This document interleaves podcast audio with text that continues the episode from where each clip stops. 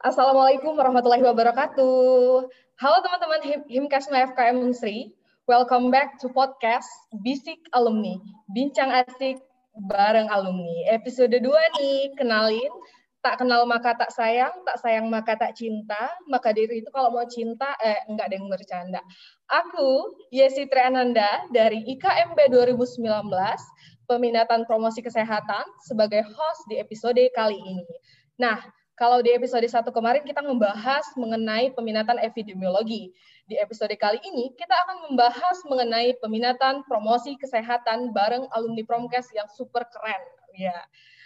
Oke, sebelum uh, saya memperkenalkan narasumber kita pada episode kali ini, saya mau ya sih mau spoiler sedikit nih mengenai narasumber, mengenai organisasi serta uh, pengalaman kerja dari narasumber kita organisasi itu pernah menjadi pimpinan umum Belvers Publisia FKM Unsri, pernah menjadi Bujang FKM Unsri 2016, menjadi Ketua Ikatan Bujang Gadis FKM Unsri selama dua periode, menjadi Koordinator Regional Palembang Net Good People Palembang.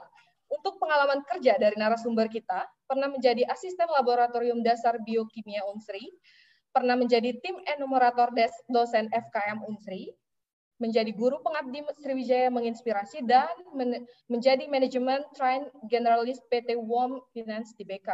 Oke, luar biasa sekali ya teman-teman pengalaman dari narasumber kita.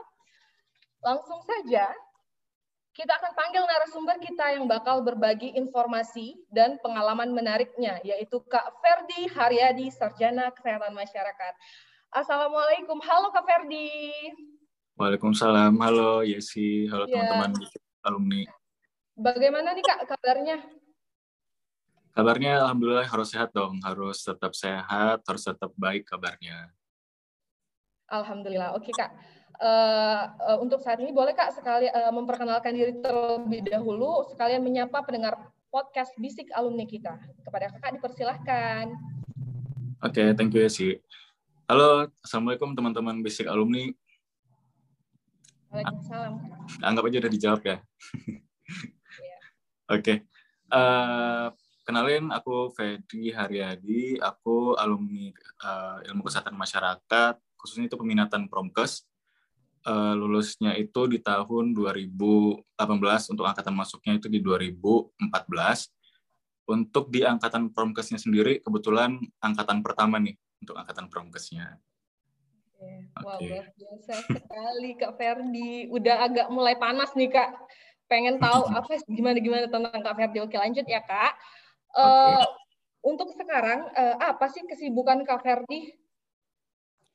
Untuk kesibukan, aku sekarang uh, ya selain kerja, aku juga kebetulan lagi ada buka ada buka lapak kecil-kecilan ya.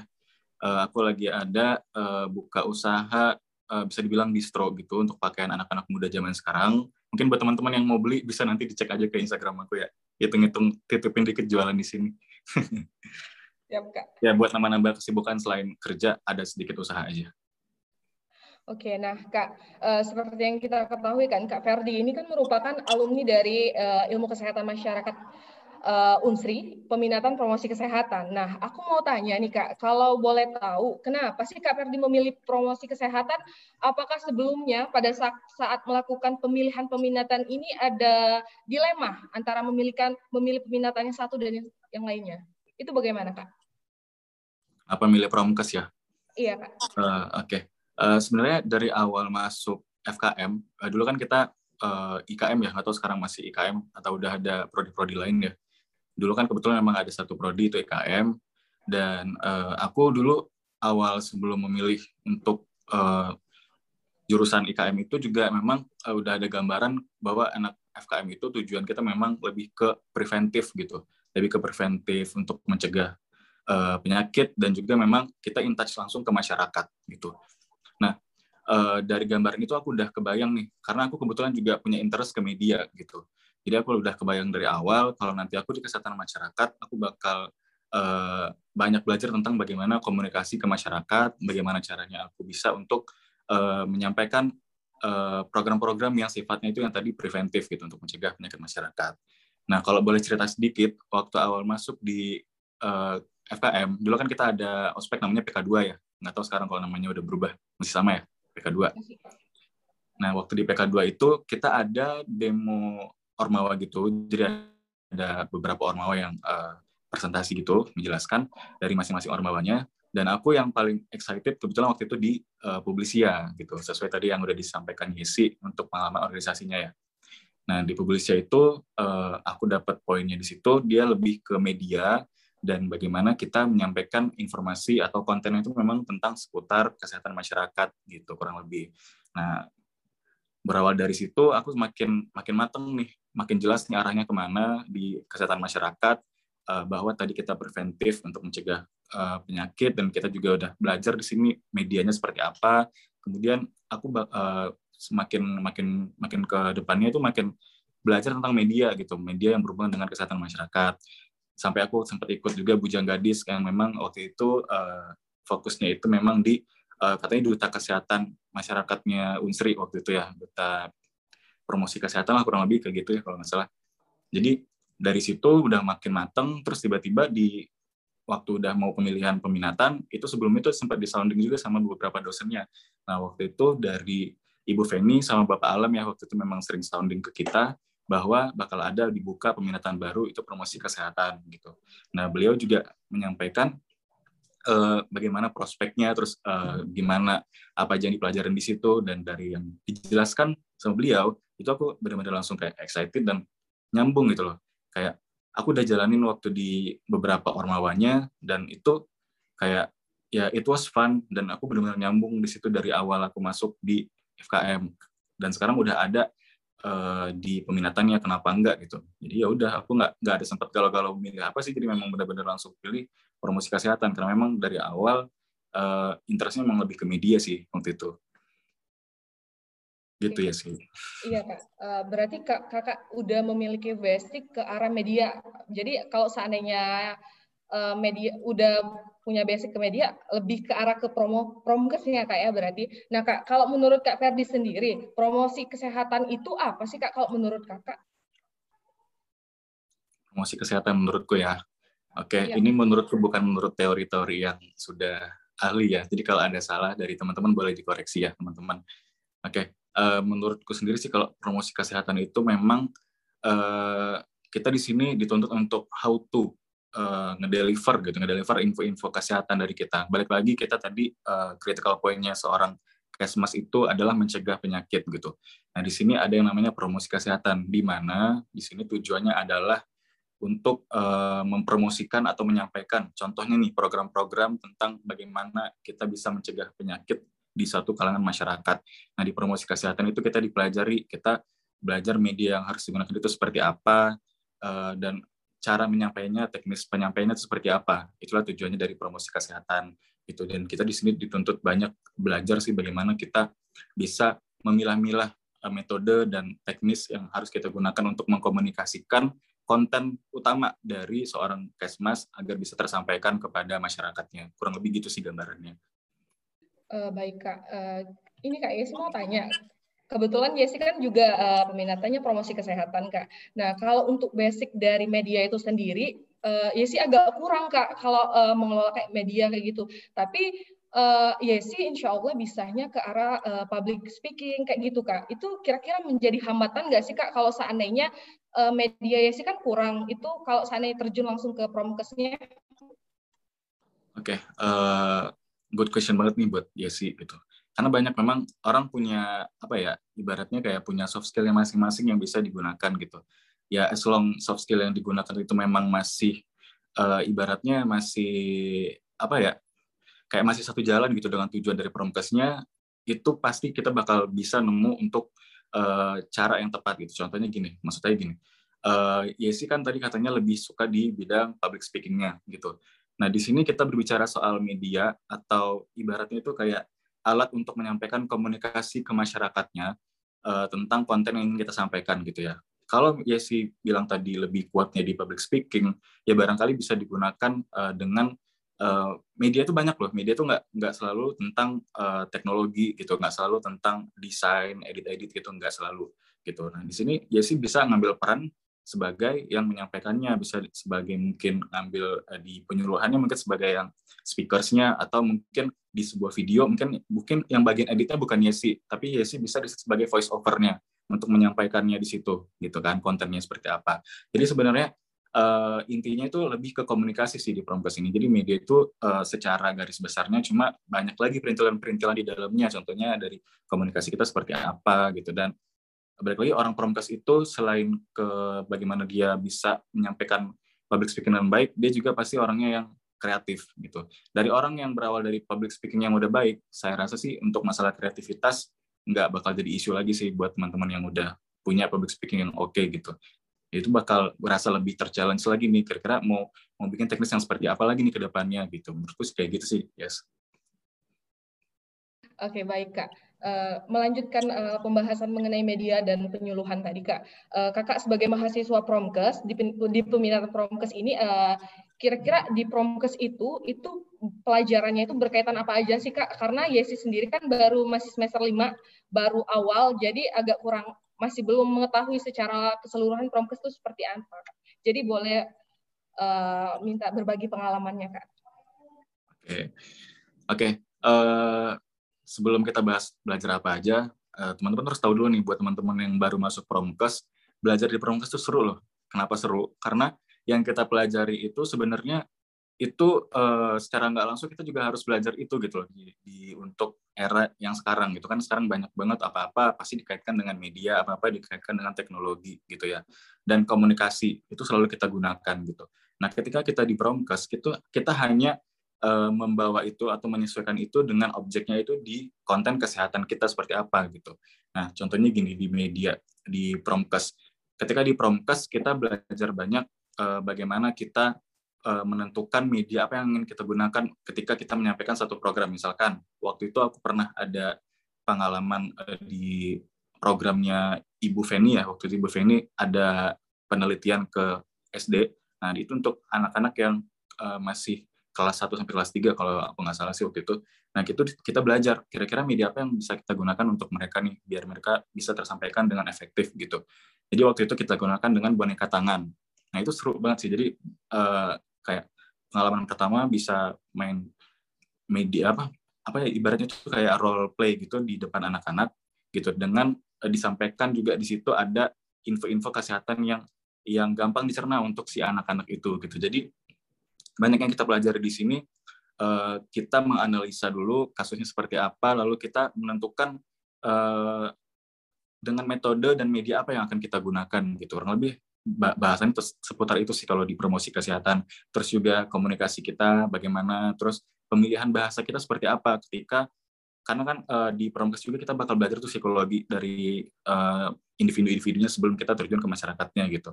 Kita lihat di situ psikologinya seperti apa ketika kita sudah paham psikologinya seperti apa, kita harus tahu nih pilihan bahasanya yang seperti apa yang harus kita sampaikan uh, untuk sasarannya agar lebih efektif sih. Jadi kurang lebih gitu kita uh, menganalisa situasinya seperti apa, lalu kita uh, berpikir di situ bisa dituntut lebih kreatif lagi lah gitu ya untuk memilih metode dan media seperti apa yang akan kita gunakan untuk terjun ke masyarakatnya gitu. Kurang lebih gitu sih kalau Bungkas. Oh baik kak uh, gini kak, kan uh, kak Ferdi sendiri kan sudah sebetulnya sudah memiliki ke arah hobi kan kak media tadi kan. Nah uh, untuk kak Ferdi sendiri, uh, untuk kak Ferdi pribadi, hal yang seru dan menarik di peminatan promkes ini apa aja sih kak? Oke. Okay.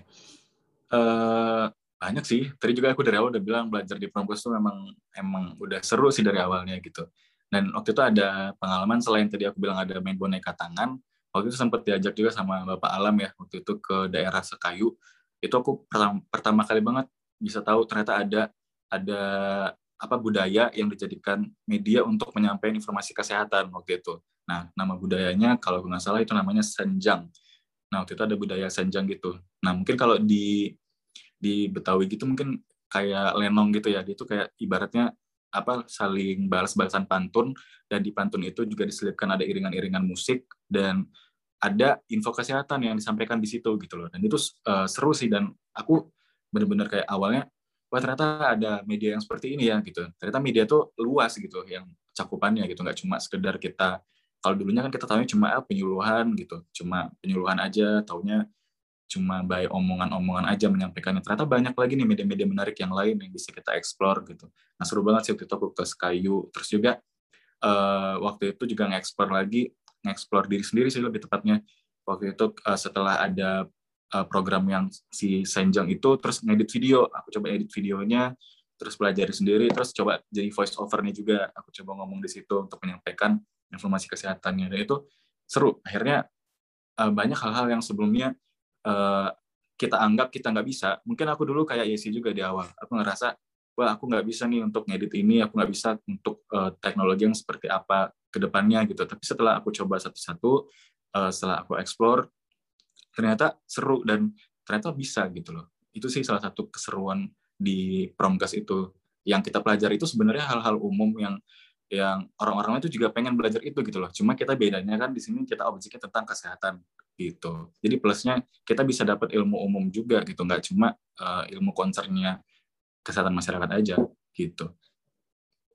Oke kak, uh, promkes ini kan kak berkaitan sama penyuluhan nih kak. Kental banget uh, bahasan orang kalau ah promosi kesehatan berarti kerjanya cuma jadi penyuluh aja kayak gitu kak cuma kerjanya tuh di puskesmas aja ngasih tahu preventif promotif eh, preventif dan promotifnya kayak gitu kan kak bahasan omongan yang ada di luar nah kalau menurut kakak sendiri prospek kerja sebenarnya yang dapat di yang bisa didapatkan oleh anak-anak promkes ini apa aja sih kak? Uh, untuk prospek kerja ya sebenarnya banyak banget sih prospek kerja untuk Promkas. Cuma kalau dari pengalaman waktu aku magang, aku kan kemarin kebetulan magangnya di Dinas Kesehatan Kota Bandung ya. Waktu itu memang kalau di Dinkas itu dia ada divisi Promkas gitu. Waktu itu ada divisi Promkas. Nah, eh, pengalaman aku waktu magang itu memang ada divisi-divisi lain seperti kesehatan lingkungan, gizi. Ketika mereka ada program, itu mereka nge-hire kita, anak-anak Promkas. Kenapa? Karena mereka butuh uh, dari divisi Promkas untuk ibaratnya kalau untuk uh, di luar itu semacam humas gitu loh. Kita semacam humasnya di uh, instansi kesehatan gitu. Ketika mereka yang lain itu ada program, kita di situ untuk uh, sebagai humas yang uh, menentukan kita menyampaikannya ke masyarakat itu dengan media apa. Nah waktu itu aku sempat diajak kayak kita ada siaran ke radio, terus kita juga ada yang uh, apa sih kayak langsung ke CFD ya waktu itu masih ada CFD kita langsung sosialisasi gitu ke CFD terus juga kita ada yang kita nge-hire beberapa apa kayak ahli-ahli profesi kesehatan misalnya kayak ada psikologi, ada dokter, ada spesialis. Kita di situ sebagai menjembatani untuk uh, mencegahnya seperti apa gitu loh. Jadi kita yang uh, merujuk mereka masuknya ke uh, profesi yang mana. Seru sih waktu itu. Jadi kayak ibaratnya kita memang jembatannya dari semua program yang ada di instansi kesehatan gitu loh. Nah, mungkin untuk yang aku tahu ya, untuk yang memang divisi khusus promkes itu ada di dinas kesehatan terus juga ada di kayak di BPJS mungkin ada ya kalau aku nggak salah mungkin namanya aja yang berbeda terus juga di rumah sakit juga ada. Nah selain yang divisi memang benar-benar promkes itu sebenarnya dulu juga sering banget sih disounding sama dosen-dosen promkes bahwa anak promkes itu sebenarnya bisa kerja di mana aja. Kenapa? Karena memang aku pun udah ngerasain karena yang kita pelajarin di promkes itu ya overall itu memang ilmu-ilmu umum gitu loh jadi apa yang kita pelajari contohnya kayak uh, gimana kita berkomunikasi gitu, komunikasi dengan baik. Hanya saja kita menggunakan objek yang berbeda memang khusus di kesehatan. Tapi ketika kita mengaplikasikan itu ke objek yang berbeda, itu sangat berguna untuk objek-objek yang lainnya juga gitu. Terus juga tentang psikologi, gimana kita uh, mengenal karakter orang di situ. Itu banyak banget yang bisa kita pelajari di situ dan bisa diaplikasikan di pekerjaan apa pun sih sebenarnya gitu.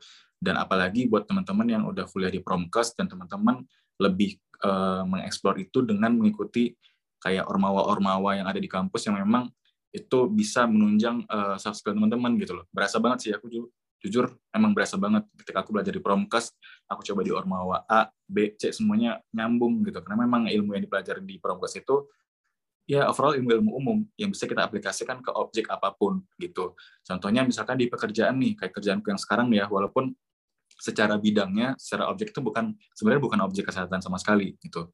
Karena uh, aku dulu masuknya itu di MT. Buat teman-teman yang tahu MT itu itu semacam program untuk leader. Jadi teman-teman ketika uh, melamar pekerjaan dengan program manajemen training atau MT itu kita uh, langsung di training di situ dan after itu kita langsung ada jabatan jadi karyawan tetap dan sudah uh, ibaratnya udah level middle kita udah punya staff gitu Nah, itu aku belajar banyak banget di Promkes gimana caranya aku mengenal uh, psikologi uh, orang-orang gitu. Nah, di sini aku juga uh, kayak ingat lagi nih, aku untuk mempelajari staffku gimana nih karakternya gitu. Itu aku dapat banget waktu di kuliah.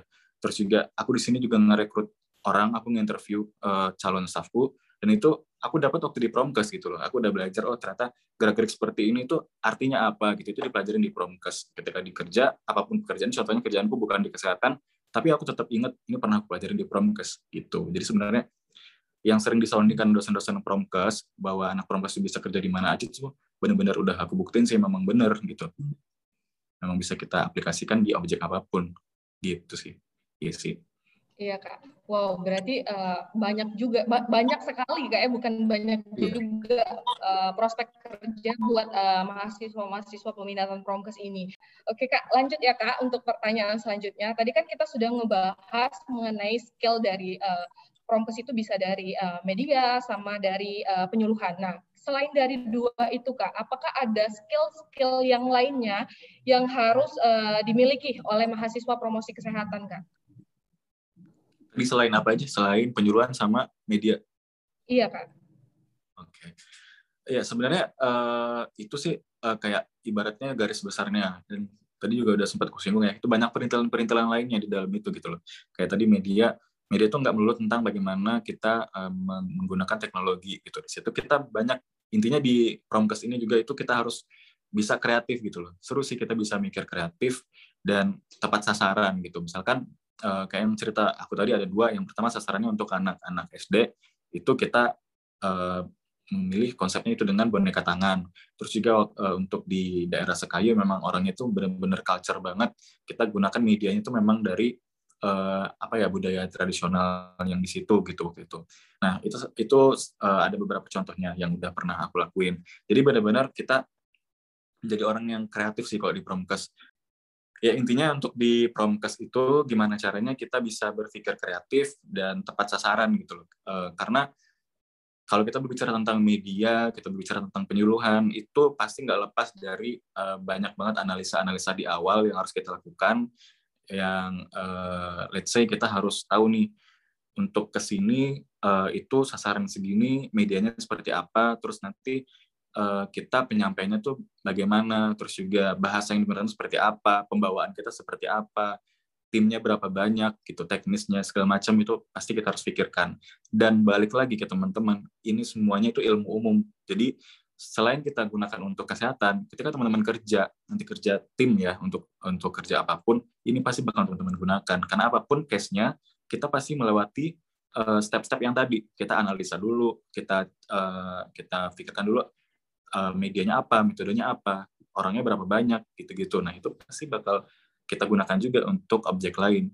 So that's why tadi yang dibilang sama dosen-dosen, kalau anak perempuan bisa kerja apa aja, bener banget. Karena semua yang kita pelajarin itu ilmu-ilmunya umum, gitu. Iya, Kak. Bener banget, Kak.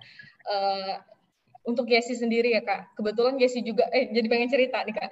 Jadi Boleh, kebetulan uh, Yesi juga kan udah kuliah sambil kerja, kerjanya juga dalam bidang masyarakat ya kak. Uh, nah baru aja nyemplung dari awal itu, uh, promkesnya tuh udah kena banget kak. Karena apa? Karena kan kalau kita ber apa ya berada di ruang lingkup masyarakat itu kan kak otomatis kan kita kayak lebih bersosialisasi. Nah, kalau di promkes itu diajarin betul Kak bagaimana sih psikologi manusia itu, bagaimana cara menghadapinya, kayak lebih diajarin oh sifat dan sifat dan perilaku masyarakat tuh kayak gini loh cara menghadapinya kayak gitu loh Kak. Jadi betul-betul promkes ini uh, banyak banget yang bisa kita dapetin tergantung bagaimana sih cara kita memposisikan diri kita kayak gitu ya Kak. Oke, ya. Betul banget ya sih. Wah, iya, ya sih udah hmm. udah kelihatan nih dari sekarang promkes promkesnya udah promkes banget biasanya iya. dari sekarang uh, uh, emang dari dari awal sih kak sebenarnya emang dari FKM itu pas awal masuk IKM emang kayak lebih nganggapnya promkes itu kan jantungnya dari fakultas FKM kan kak oke okay, kak uh, lanjut ya kak. Uh, kakak kan sudah mempunyai pengalaman nih kak ke dunia kerja. Kalau seandainya berdasarkan pengalaman yang pernah kakak lalui pada saat melamar pekerjaan, kayak uh, ditanya sama uh, pihak HRD-nya itu kamu kuliah lulusan promkes uh, skill yang kamu miliki itu apa? Kayak gitu kak. Yang pertanyaan sebelum dilontarkan untuk uh, mahasiswa promkes itu apa kak tepatnya kalau misalnya kita ingin melamar suatu pekerjaan kayak gitu kak. Uh, sebenarnya kalau masalah uh, di pekerjaan ketika kita ngelamar pekerjaan kalau ketika orang lihat itu promkes mungkin tugas kita di situ uh, lebih ke apa ya menjelaskan lebih detail sebenarnya promkes itu ngapain aja itu kadang kan orang orang mikirnya promosi kesehatan. Nggak semua orang bisa paham kalau promosi kesehatan itu memang ruang lingkupnya itu luas gitu kayak yang udah kita bahas dari tadi ya itu kalau aku dulu sih sempat karena kebetulan CV ku memang kurang lebih itu banyaknya di media ya jadi sempat dibahas disinggung waktu di interview itu memang ditanya ini kamu jurusannya kesehatan terus kenapa banyak banget CV-nya di bidang media? Gitu. Nah aku di situ uh, mencoba untuk uh, memberikan benang merahnya lah ya gitu. Ini media dan aku di kesehatan masyarakat aku punya peminatan itu memang promosi kesehatan gitu. Memang itu uh, kurang lebih bukan kurang lebih sih memang isinya itu memang seputar media gitu. Cuma hanya saja objeknya di jurusanku memang objeknya kesehatan. Sedangkan ilmu yang kita pelajari itu adalah ilmu-ilmu yang sebenarnya itu umum bisa digunakan untuk objek-objek yang lainnya juga itu kurang lebih kasih gambarnya seperti itu sih ketika kita di interview. Kita cukup jelaskan aja kalau yang kita pelajari itu ilmunya sebenarnya bisa kita gunakan dan saya siap menggunakannya untuk objek-objek yang lainnya gitu. Karena memang uh, ibaratnya itu kayak basicnya yang kita pelajari ketika kita di pendidikan formal sih.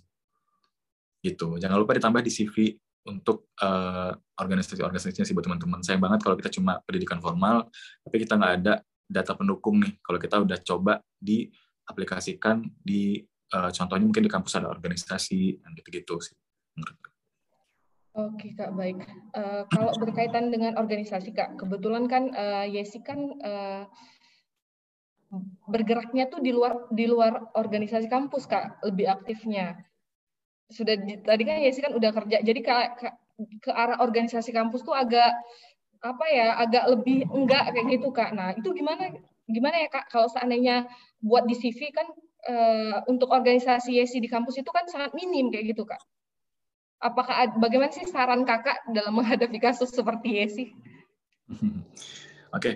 uh, eh, sebenarnya uh, pengalaman aku ya, di sini aku coba posisikan diriku ketika aku nge-interview nih, gitu. Aku nge-interview calon, uh, misalkan aku butuh staff nih. Nah, ketika aku nge-interview juga, misalkan aku lihat ada nih satu yang aku interview di CV nggak begitu banyak, tapi ketika aku interview ternyata anaknya benar-benar kayak komunikasinya oke okay, gitu, terus uh, uh, pembawaannya itu benar-benar dapat gitu sama apa yang aku cari gitu. Nah, di satu misalkan satu CV yang dia bikin, aku bakal korek-korek abis di situ apa aja yang udah uh, dia dapat di situ gitu. Jadi balik lagi ketika teman-teman memutuskan untuk uh, nggak terlalu banyak isi di CV-nya, pastikan teman-teman di satu atau di beberapa yang udah teman-teman coba itu teman-teman kuasai apa aja yang udah teman-teman dapat di situ gitu. Dan pastikan ketika nanti kerja, teman-teman kerja, uh, yang kalian dapat di organisasi atau pengalaman tambahan lah ibaratnya yang teman-teman dapat itu itu yang teman-teman sampaikan ketika interview itu benar-benar poin yang berhubungan dengan pekerjaan yang pengen teman-teman apply gitu. Jadi bukan sekedar cerita oh saya dulu pernah ikut organisasi ini saya dapat A sampai Z. Tapi dari A sampai Z itu poin apa aja yang benar-benar berhubungan langsung dengan pekerjaan yang teman-teman sedang apply saat itu gitu. Kurang lebih gitu sih. Jadi lebih ke teknis uh, bagaimana personal brandingnya teman-teman. Kalau nggak salah personal branding juga ini ada pelajarannya sih di Promkes kalau nggak salah ya. Oke kak, berarti uh, pada saat kita melamar pekerjaan itu tidak uh, tidak cuma fokus pada CV berarti kak ya. Pas pada saat interview itu lebih kayak lebih menjurus, kayak lebih menggali dari uh, pelamar itu berarti ya kak. Iya betul di CV itu ya mungkin hanya sekedar gambaran informasi yang ada. Cuma untuk informasi yang lebih detailnya pasti dari orang yang bersangkutan gitu. Jadi bagaimana kita menguasai apa yang sudah kita isi di CV itu sih. Jadi jangan cuma sekedar diisi banyak tapi kita nggak dapat nih poinnya gitu. Oke, siap kak. Oke, Yesi Oke. mau tanya nih kak uh, terkait uh, magang. Uh, kalau untuk peminatan promkes sendiri kak itu proses magangnya bagaimana ya kak? Uh, tempat kita magangnya itu seperti apa kak kayak gitu? Kalau untuk tempat magang, kebetulan aku uh, tadi aku udah sempat spill juga ya, aku dulu magangnya di Dinas Kesehatan Kota Bandung. Nah, waktu itu juga teman-teman ada yang magang di Kemenkes, Kementerian Kesehatan yang di Jakarta, terus ada juga yang di BPJS Kesehatan, ada BPJS Tenaga Kerja, ada juga yang di apa BNN gitu. Terus ada yang di BKKBN, banyak banget sih. Dari dari pilihan-pilihan tempat magang itu kita udah udah kebayang tuh. Berarti untuk prospek kerja kita sebenarnya banyak banget gitu untuk promkes gitu. Dan kalau cerita pribadi aku magang, waktu itu aku magang di Dinas Kesehatan Kota Bandung, tadi juga udah udah singgung, sebenarnya ya at the end of the day, mereka yang di divisi-divisi lain itu, sebenarnya mereka butuh kita gitu loh. Karena apa pun program mereka, mereka akan nge-hire kita untuk bagaimana menyampaikannya ke masyarakat gitu. Kalau karena kalau nggak ada anak promkes, mereka cuma ada uh, mereka oke okay, ada program, tapi mereka belum bisa menyampaikannya ke masyarakat. Sebenarnya semuanya itu berhubungan sih. Jadi kita tuh ibaratnya satu tim lah sama mereka semua gitu. Jadi apa pun peminatannya sih sebenarnya memang uh, udah ada uh, porsinya masing-masing gitu loh di kesehatan masyarakat. Kalau untuk promkes mungkin gambaran yang aku kasih seperti itu. Mereka punya program apa, ya kita sebagai humasnya di situ untuk menyampaikan ke masyarakatnya seperti apa. Ya gitu sih. Uh, apa yang disampaikan Kak Ferdi jadi mengingatkan uh, pernah Pak Alam bilang katanya kalau uh, se uh, tempat kita bekerja itu sebenarnya kalau semuanya itu perlu uh, sesosok tenaga yang bisa mempromosikan kak. Berarti uh, secara tidak langsung menjelaskan bahwa uh, prospek kerja untuk promkes ini sangat luas sekali ya kak. Iya betul banget dong. Iya. Uh, ini kak satu lagi, kalau berkaitan sama magang tadi kak, itu uh, ada kaitannya nggak sih? Itu men, cara menentukannya itu kita sendiri yang menentukan atau dosen yang menentukan. Kamu magangnya di dinas kesehatan ini, kamu magangnya di Kementerian Kesehatan RI itu kita yang menentukan atau dosen yang menentukan kan? Oke. Uh, itu lebih ke tekniknya ya. Kalau di angkatan kami dulu itu memang tekniknya dari dosen itu ngebebasin ke kita. Kita bebas pilih yang mana, nanti kita ajukan uh, ke bagian ke prodi.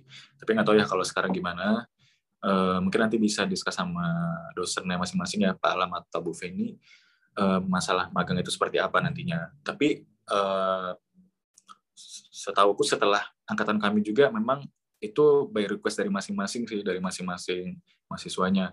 Tinggal dibagi kelompoknya berapa orang, nanti tinggal diajukan ke bagian kaprodi ya kalau nggak salah. Itu. Uh, satu lagi pertanyaan kak. Iya boleh. Ini pertanyaan terakhir. Uh, menurut kakak untuk di masa pandemi ini, tugas kita sebagai mahasiswa promosi kesehatan itu apa aja sih kak? Tugas kita ya? Iya. Uh, ini satu case lagi yang membuktikan yang aku bilang tadi bahwa ilmu yang kita pelajarin itu sebenarnya itu ilmu umum dan bisa yang sebenarnya dibutuhin oleh semua orang gitu.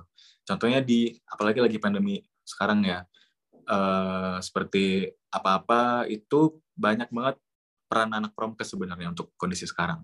Seperti kita harus mengingatkan prokes gitu ya, prokes sekarang uh, prokes wajib digunakan atau ketat prokes ya segala macam lah bahasanya itu memang dari anak promkes banget.